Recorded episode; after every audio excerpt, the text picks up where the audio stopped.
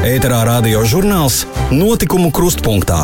Ieklausīsimies ekspertu viedokļos par sabiedrībā būtiskiem jautājumiem, analizēsim mediju saturu, veicināsim kritisko domāšanu un spējas reaģēt uz safabricēto un manipulatīvo informāciju. Studijā Tenis Bikovskis. Sveicināti cienījamie radioklausītāji! Šīs dienas raidījumā iepazīstināsim ar attīstību kaimiņu valstīs, ar uzsvaru uz mediju un cilvēktiesību jautājumiem. Analizēsim sociāli ekonomisko situāciju Pleskavas apgabalā. Iztaujāsim bijušo Nacionālās elektronisko plašsaziņas līdzekļu padomes locekli, mediju eksperti Aiju Duļevsku. Kāds ir viņas redzējums par iespējamo jauna sabiedriskā medija izveidi, Latvijas radio un LTV apvienošanu? Cik stingriem būtu jābūt nosacījumiem pašvaldību izdevumiem? Bet kā vienmēr sāksim ar jaunāko attīstību pie mums un mūsu kaimiņu valstīs. Pie mikrofona mana kolēģe Elīna Greidāne. Startautisko notikumu apskats - aktuālā attīstība mūsu kaimiņu valstīs. Lietuvas Nacionālās aizsardzības ministrs Raimunds Karoblis Briselē tiekoties ar citu NATO dalību valstu aizsardzības ministriem norādījis, ka Krievija joprojām ir drauds reģiona drošībai, tādēļ militārā atturēšanās politika un NATO austrumu robežas aizsardzība ir ļoti svarīga. Aizvadītajā nedēļā Lietuvas prezidenta padomnieks Jaroslavs Neverovičs ierosināja aizliegt Klaipēdas šķidrinātās gāzes termināli izmantot Krievijas gāzes importam. Jāpiemin, ka Lietuvas mēslojuma ražotājs un lielākais Klaipēdas šķidrinātās gāzes termināļa klients Āķema aktīvi iepērk tieši Krievijas šķidrināto gāzi. Lietuva un Japāna parakstījušas divus memorandus par sadarbību enerģijas un informācijas tehnoloģiju jomās. Enerģētikas memorands paredz enerģētikas drošības stiprināšanu un enerģijas avotu un piegādātāju dažādošanu, kā arī ciešāku abu valstu sadarbību atomelektrostaciju darbības pārtraukšanā. Tāpat arī paredz veidot kopīgas aktivitātes un projektus, kas saistīti ar šķidrinātās gāzes piegādi, tirzniecību un atjaunojamo enerģiju. Lietuvas prezidents Nausēda un Japānas pārstāvju palātas spīkers Tadamori Ošima pārunāja abu valstu sadarbību arī zinātnes un medicīnas jautājumos.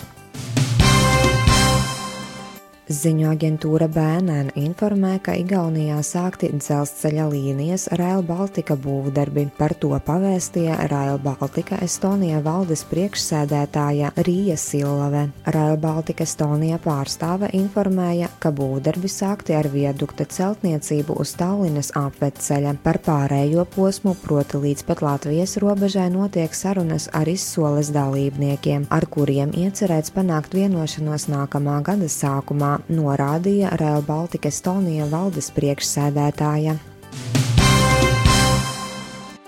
Ziņu aģentūra Baltā informēja, ka Baltkrievijas aizsardzības ministrs Andrejs Rafkovs nācis klajā ar paziņojumu, ka Baltkrievija Lietuvas robežas tuvumā pastiprinās savu bruņoto spēku klātbūtni, tā reaģējot uz 30 ASV tanku un citas tehnikas ievešanu Lietuvā NATO operācijas ietvaros. Savukārt Krievijas ziņu portāls RBC informē, ka Baltkrievijas prezidents Aleksandrs Lukašenko savā ikgadējā ziņojumā par par valsts politikas un drošības jautājumiem uzsvēris, ka Baltkrievija negrasās žvandzināt ar ieročiem saistībā ar NATO bruņu tehnikas izvietošanu Lietuvas teritorijā un piebilda, ka Baltkrievija ir miermīlīga valsts un nevienu negrasās karot.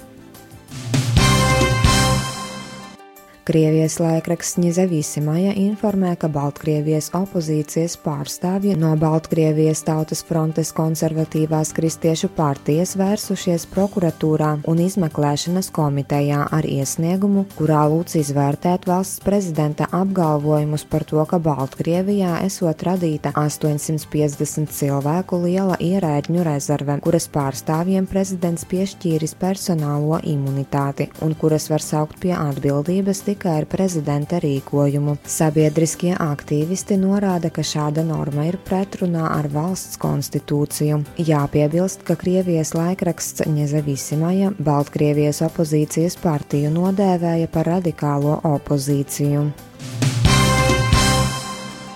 Krievijas valsts uzņēmuma Ostankinas televīzijas tehniskais centrs direktors nācis klajā ar paziņojumu, ka parādu dēļ var tikt traucēta televīzijas apraide. Kā norāda portāls newsru.com, gandrīz trešdaļu zaudējumu televīzijas tehniskajam centram radot Krievijas pirmā kanāla parādi. Rezultātā 3-4 mēnešus gadā Ostankinas televīzijas centrs nespēja normāli strādāt, kā arī pēdējo trīs gadu laikā strauji palielinājies tehnisko avāriju skaits. Ziņu portāls Komersantru atsaucoties uz Krievijas Zinātņu akadēmijas tautsēmniecības un valsts dienesta institūta ekspertu slēdziena, informē, ka Krievijas 2004. gada augustā ieviestais pārtikas embargo ik gadu valsts iedzīvotājiem radījis 530 miljardus rubļu lielus zaudējumus, rēķinot pēc 2013. gada cenām. Portāls Newsuru.com informē, ka Nižņī Novgorodas tiesa izdevniecības Koza presa galvenajai redaktorei Irīnai Slavinai piespriedusi 70 tūkstošus rubļu lielu naudas sodu par noniecinošu piezīmi sociālajos tīklos par nesen uzstādīto memoriālo plāksni pagājušā gadsimta varmākam Staļinam. Savā Facebook lapā Irina Slavina informējusi, ka Novgorodas apgabala pilsēta Šahuņa esot uzstādīta memoriālā plāksne plāksne diktatoram Staļinam un izteikusi sašutumu par to, ka mājas sienu turpmāk rotās Staļina purns. Kā liecina socioloģiskā aptaujas fonda Sabiedriskā doma nesen veiktās aptaujas rezultāti, Krievijā ir pieaudzis to cilvēku skaits, kuri atbalsta nāves soda ieviešanu valstī. Kopš 2012. gada nāves soda atbalstītāju skaits starp aptaujas dalībniekiem pieaudzis no 60 līdz 69 procentiem. Savukārt nāves soda pretinieku skaits sarucis no 22 līdz 21 procentām. 40 25% aptaujāto norādījuši, ka Krievija savulaik rīkojusies nepareizi atceļot valstī nāves sodu. Krievijas augstākā tiesa uz Krievijas justīcijas ministrijas pieprasījuma pamata likvidēja sabiedrisko organizāciju par cilvēktiesībām, kuru dibināja cilvēktiesību aizstāvis Ļevs Ponamorevs. Kā informē portāls newsru.com, pēc tiesas lēmuma Panamorevs paziņoja, ka neskatoties uz tiesas lēmumu, cilvēktiesību aizstāvju kustība turpinās savu darbu Krievijā.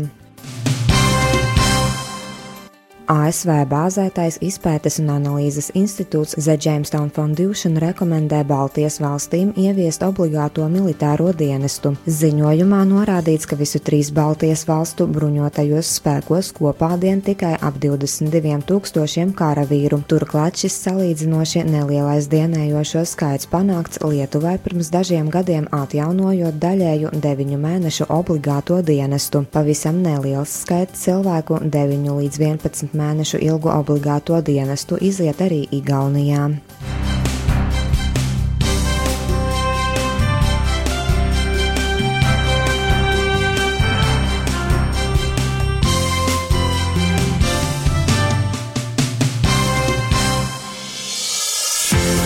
Ēterā radio žurnāls Notikumu krustpunktā.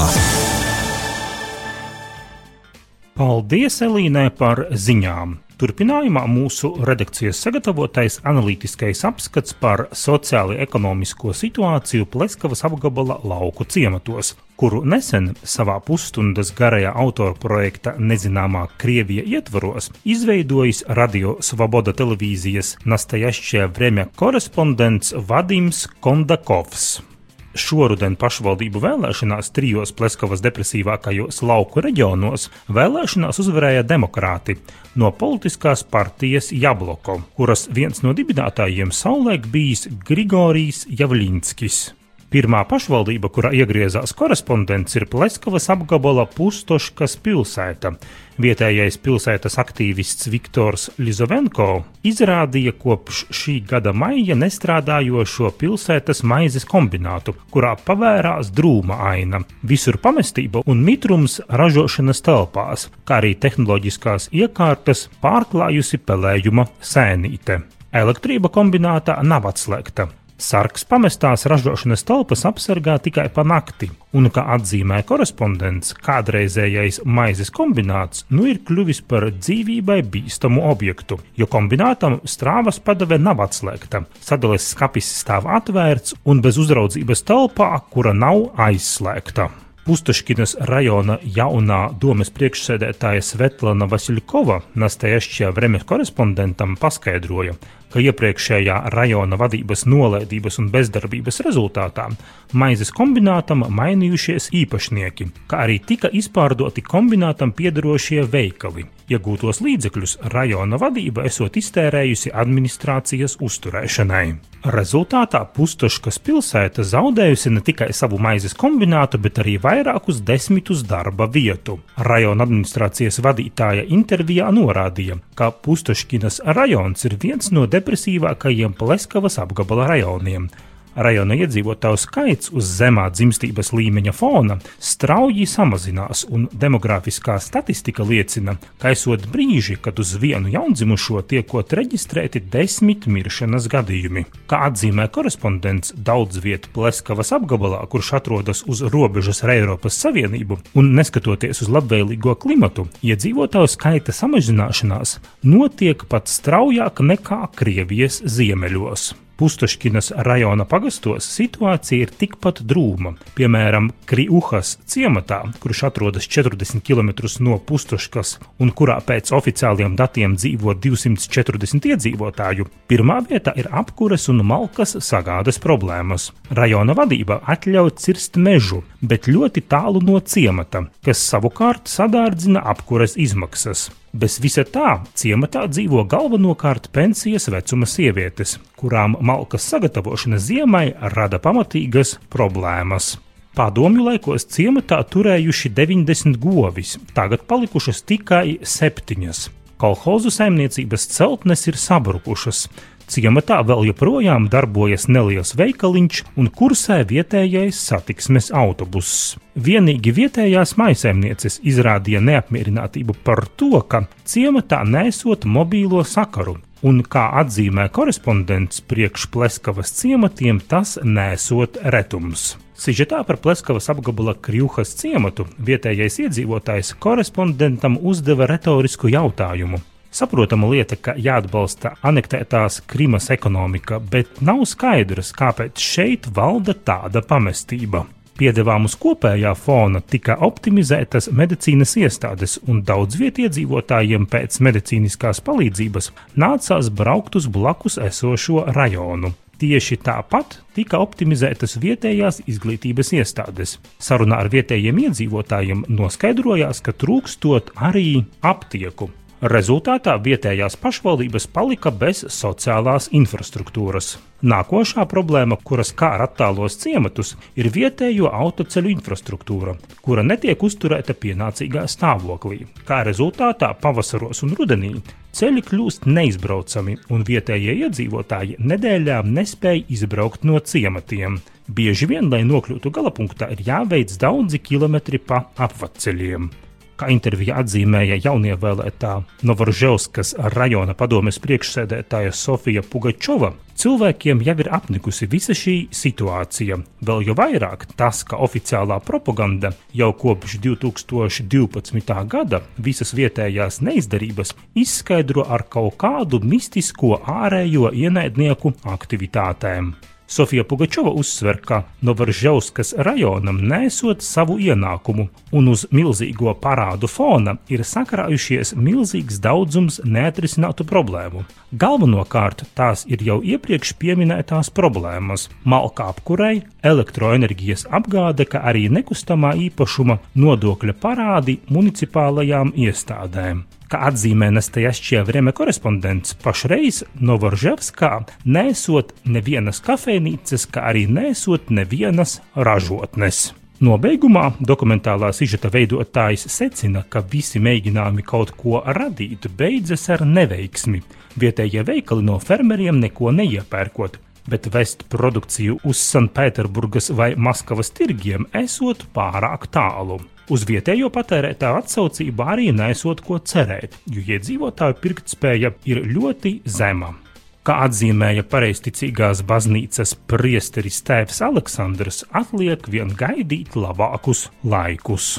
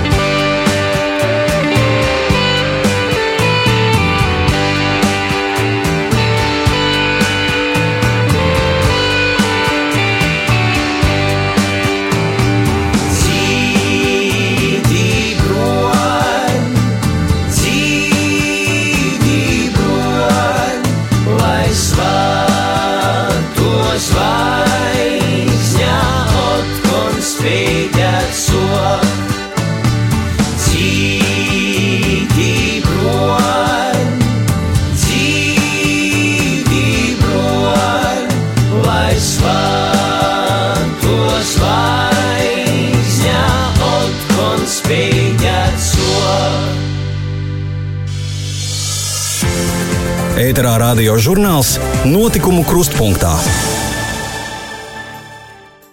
Bet tagad par attīstību pašu mājās. Latvijas televīzija uzskata, ka viena miljona papildus piešķīrums Latvijas radio un Latvijas televīzijai tiekot sadalīts nevienmērīgi. Latvijas radio vēl nebūtu nav atmetuši domu par streikošanu.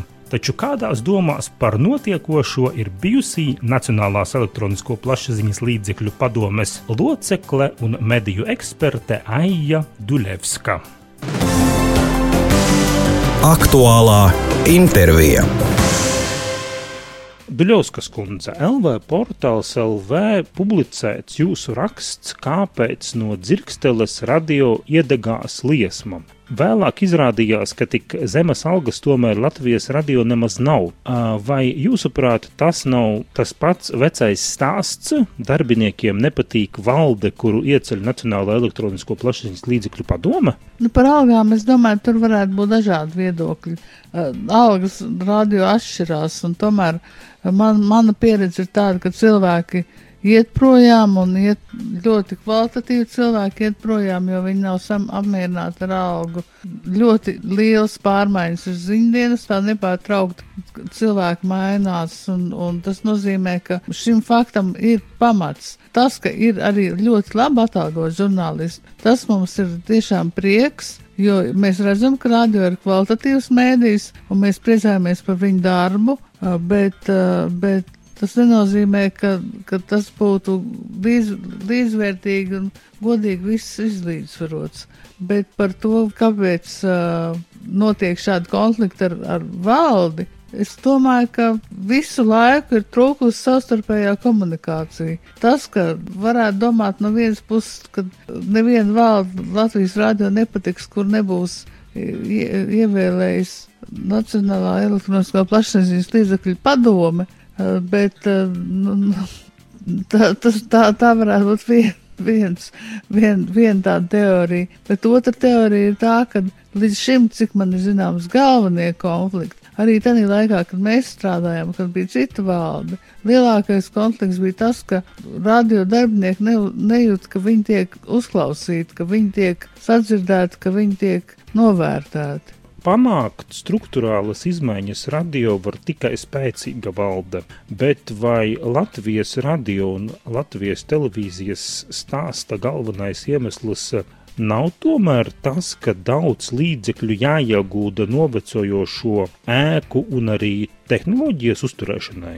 Ideāls variants būtu tāds, ka tiktu budžetā nodalīta nauda, kas tiek piešķirta uh, tehnoloģijām un ēkām, un tā, kas tiek piešķirta cilvēkiem. Uh, Līdz šim tas nav izdevies. Līdz šim ir bijis tā, ka tieši ministrs kabinetā ir nācies cīnīties par to, lai cilvēkiem tiek piešķirt vairāk finansējums lielāks nekā, nekā tieši šim novecojušajām ēkām.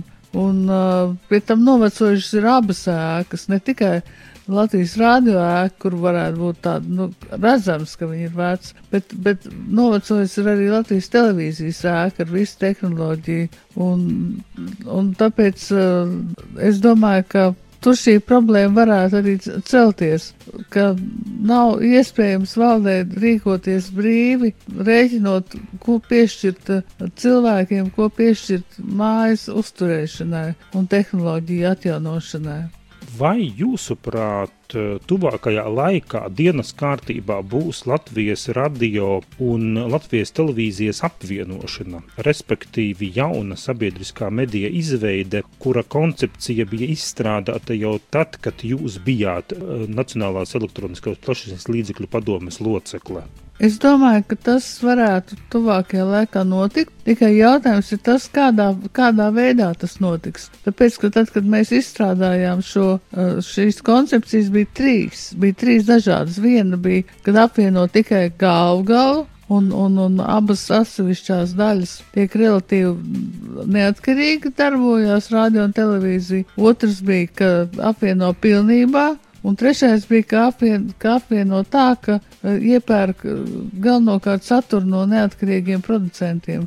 Bet uh, to, kā tas notikt varētu tagad, es domāju, ka vienīgais, ko var izdarīt patiešām reāli un patiešām arī loģiski būtu apvienot vadības līmenī, apvienot šīs, šīs institūcijas un pēc tam skatīties, kādā veidā apvienot pārējās, jo vienlaicīgi veikt tik milzīgu reformu, kā visu redakciju reformu, kā visu tehnoloģiju reformu, es domāju, ka tas ir praktiski neiespējami, un tas arī radītu liels finansiāls izdevums, uz kuriem pašlaikā mēs redzam, neviens nav gatavs parakstīties.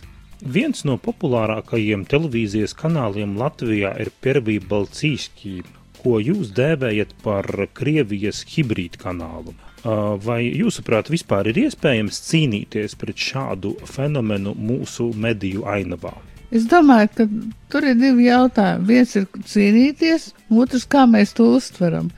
Par, par manu uztveri es esmu diezgan radikāls cilvēks šajā ziņā, un es uzskatu, ka Latvijas, Latvijai kā valstī, kā NATO dalībvalstī, kā Eiropas Savienības valstī, ir vienkārši sevis necienīgi raidīt Krievijas propagandu visas Latvijas apraidē. Un tāpēc es uzskatu, ka ir jārēķinās ar tādiem radikāliem mēriem, kā šo, šo kanālu. Ne tikai šī kanāla, ko jūs minējāt, bet arī Rasija RTR, NTV un citu kanālu daļai slēgšanu uz kaut kādu laiku. Bet otra, otra lieta ir tā, ka, protams, ka vienmēr, un tas, tas ir strādājis vienmēr un visos laikos, vislabāk ir tad, ja iegulda naudu savos kanālos. Naudas ieguldīšana savos kanālos ir tikpat nozīmīga kā naudas ieguldīšana militārās aktivitātēs, jo cilvēki pirmkārt grib zināt, kas notiek ap viņiem.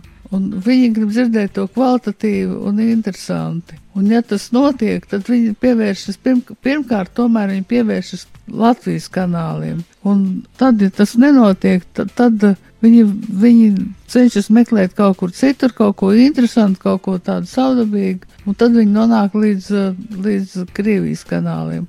Un Krievijas kanāli jau problēma mums jau, jau, jau, jau, jau ir kopš Grūzijas kara laika. Man tādā laikā es pētīju informāciju, un, protams, ka mēs redzējām, ka jau tad Krievijas kanāli ietekmē Krievijas runājušo cilvēku uzskats par to, kā notikumi norisinās Grūzijā. Un par, par Ukrainu vispār nerunājot. Ukrainas tematika Krievijas kanālos ir tik ļoti aktuāla un aktīva, ka vispār, ja sāktos skatīties, ir neiespējami no, tā, no tā izbēgt. Es uzskatu, ka ir jābūt līdzsvaram, ir jāiegulda lokālajā saturā, jābūt, jā, nu, jānodrošina šī satura pieejamība visā Latvijā. Tajā pašā laikā nevajag kautrēties un uzskatīt, ka mēs kļūsim par kaut kādiem autoritāriem monstriem, ja mēs kādu kanālu, kurš būs pierādījis, ka viņš vēršas pret valsts pamatiem, kurš vēršas pret NATO vērtībām un kurš vēršas pret uh, mūsu labāko kaimiņu labākajiem nodomiem atbrīvot savu valsti no Krievijas iebrukuma, es uzskatu, ka tad, tad tiešām šie kanāli uz laiku ir jāslēdz. Jo tas tomēr atstāja iespaidu. Tas atstāja iespaidu uz uh, reklāmas tirgu, tas atstāja iespaidu arī uz skatītājiem, kuriem šie kanāli nav pieejami. Aizliegums pašvaldībām būt eh, laikrakstu izdevējām faktiski nozīmēs to, ka pašvaldības nevarēs savus izdevumus reģistrēt kā plašsaziņas līdzekli, eh, taču aizliegums izdot to gan nenozīmē. Cik stingriem būtu jūsuprāt jābūt nosacījumiem pašvaldību izdevumiem? Manuprāt, šeit ir ļoti liela nozīme mediju padomē, kas pašlaik ir izveidojusies, kurai būtu arī jāsaka savs stingrs vārds par to, kādā veidā pašvaldību izdevumi atšķirās no, no normālām pašvaldībā izdāvošām avīzēm. Kas attiecas uz pašvaldību izdevumiem, protams, nepieciešama visādi akti, kas ir pieņemti cilvēku labā, kas ir nu, nepieciešama dažāda ļoti praktiska informācija, kurai jānonāk pie cilvēkiem. Un to var nodrukāt kā, kā brošūru, kā neliela apjoma informācija, bet tur nav jābūt katrā gadījumā, tur nav jābūt žurnālistu rakstiem, un tur nav jābūt reklāmām, kas ir pats galvenais. Un uh, es uzskatu, ka to, kādā veidā to kontrolēt, uh, pašlaik tikai veidojas tās kontrol, paškontrols struktūras, kuras, no, kuras veids tādu darbu, kā uh, tie, tieši, piemēram, šādu situācijas kontroli. Jo te, te valsts nenāks un nenāk, nekatīs savu bargo pirkstu, lai, lai mainītos kaut kas. Te, manuprāt, te ir jābūt vairāk jāskatās paškontrolas sistēmai šai pašai mēdīju padomē. Savu viedokli izteica mediju eksperte Aija Duļevska, bet raidījuma turpinājumā ieskatīsimies Latvijas raksturošajos medijos. Kas tad ir bijis nozīmīgs aizvadītajā nedēļā? Vārds Elīnai Greidānei.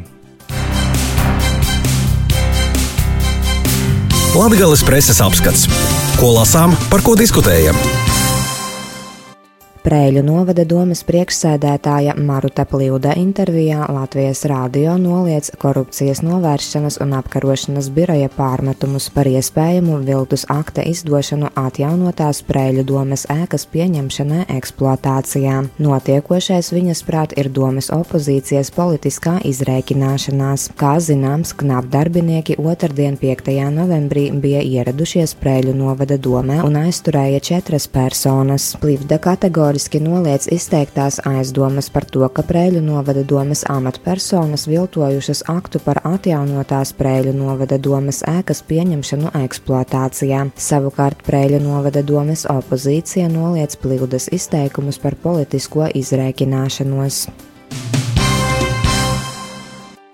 Vai jauniešiem jācieš politisko ambīciju dēļ, jautā laikraksts Rēzaknes vēstis. Rēzaknes 5. vidusskolas pēdējo klašu skolānu vecāki satraukušies, ka vidusskola nespēs izpildīt 2018. gada 11. septembra ministru kabineta noteikumus un izplatījuši atklāto vēstuli, uzsverot, ka mums bija tiesības izvēlēties mācību iestādi saviem bērniem. Dodiet mums iespēju arī realizēt šo izdarīto izvēli, ļauj ļaujot mūsu bērniem pabeigt mācības skolā.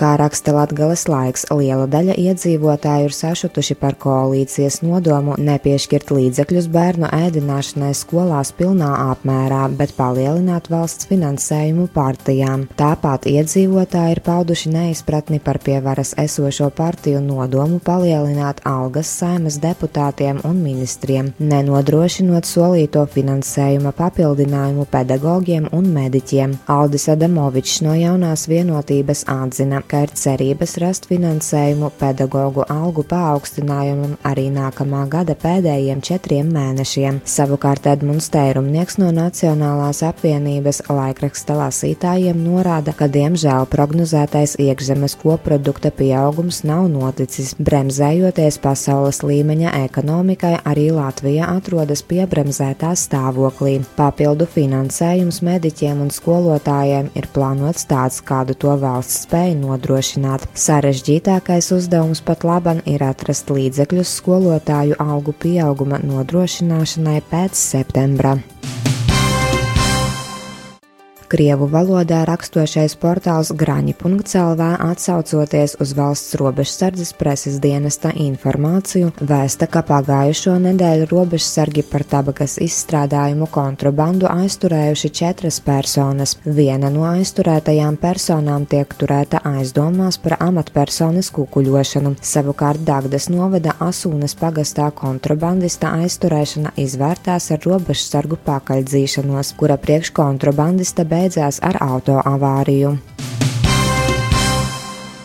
Daugopils novadā noslēdzies konkurss saimnieks. Balva par pašu uzkoptāko novada sētu un dārzu piešķirta Līksnas pagasta zemnieku saimniecībai Vītoli. Par aktīvāko turisma objektu tika atzīts mini-zoodārs Jurita Naujanes pagastā, bet par pašu aktīvāko sabiedrisko organizāciju tika atzīta Demenes pagasta sabiedriskā organizācija ar nosaukumu Otrā māja priekšdzīvniekiem. Latgales laiks vēsta, ka Daugopils doma nolēmusi uzstādīt apmēram 25 vēsturiskās ielu plāksnes, tās būs arī Krievu valodā. Bet nacionālā mēroga portālu uzmanību piesaistīja ziņa no Ludzes novada, kur aizturēts kāds ierēbis autovadītājs, kurš braucis ar Moskviču, kuram numura zīmes bijušas no padomju laikiem.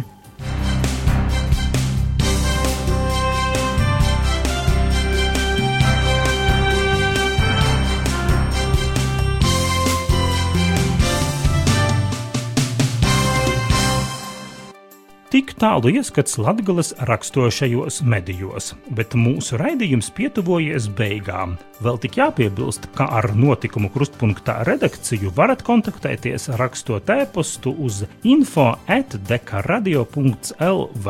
Visu labu mūsu klausītājiem abos Daugavas krastos novēlu es Tenis Bikovskis. Uz sadzirdēšanos tepat Radio Viļņos! Radio žurnāls notikumu krustpunktā ir sagatavots ar valsts reģionālās attīstības aģentūras finansiālu atbalstu no Latvijas valsts budžeta līdzekļiem.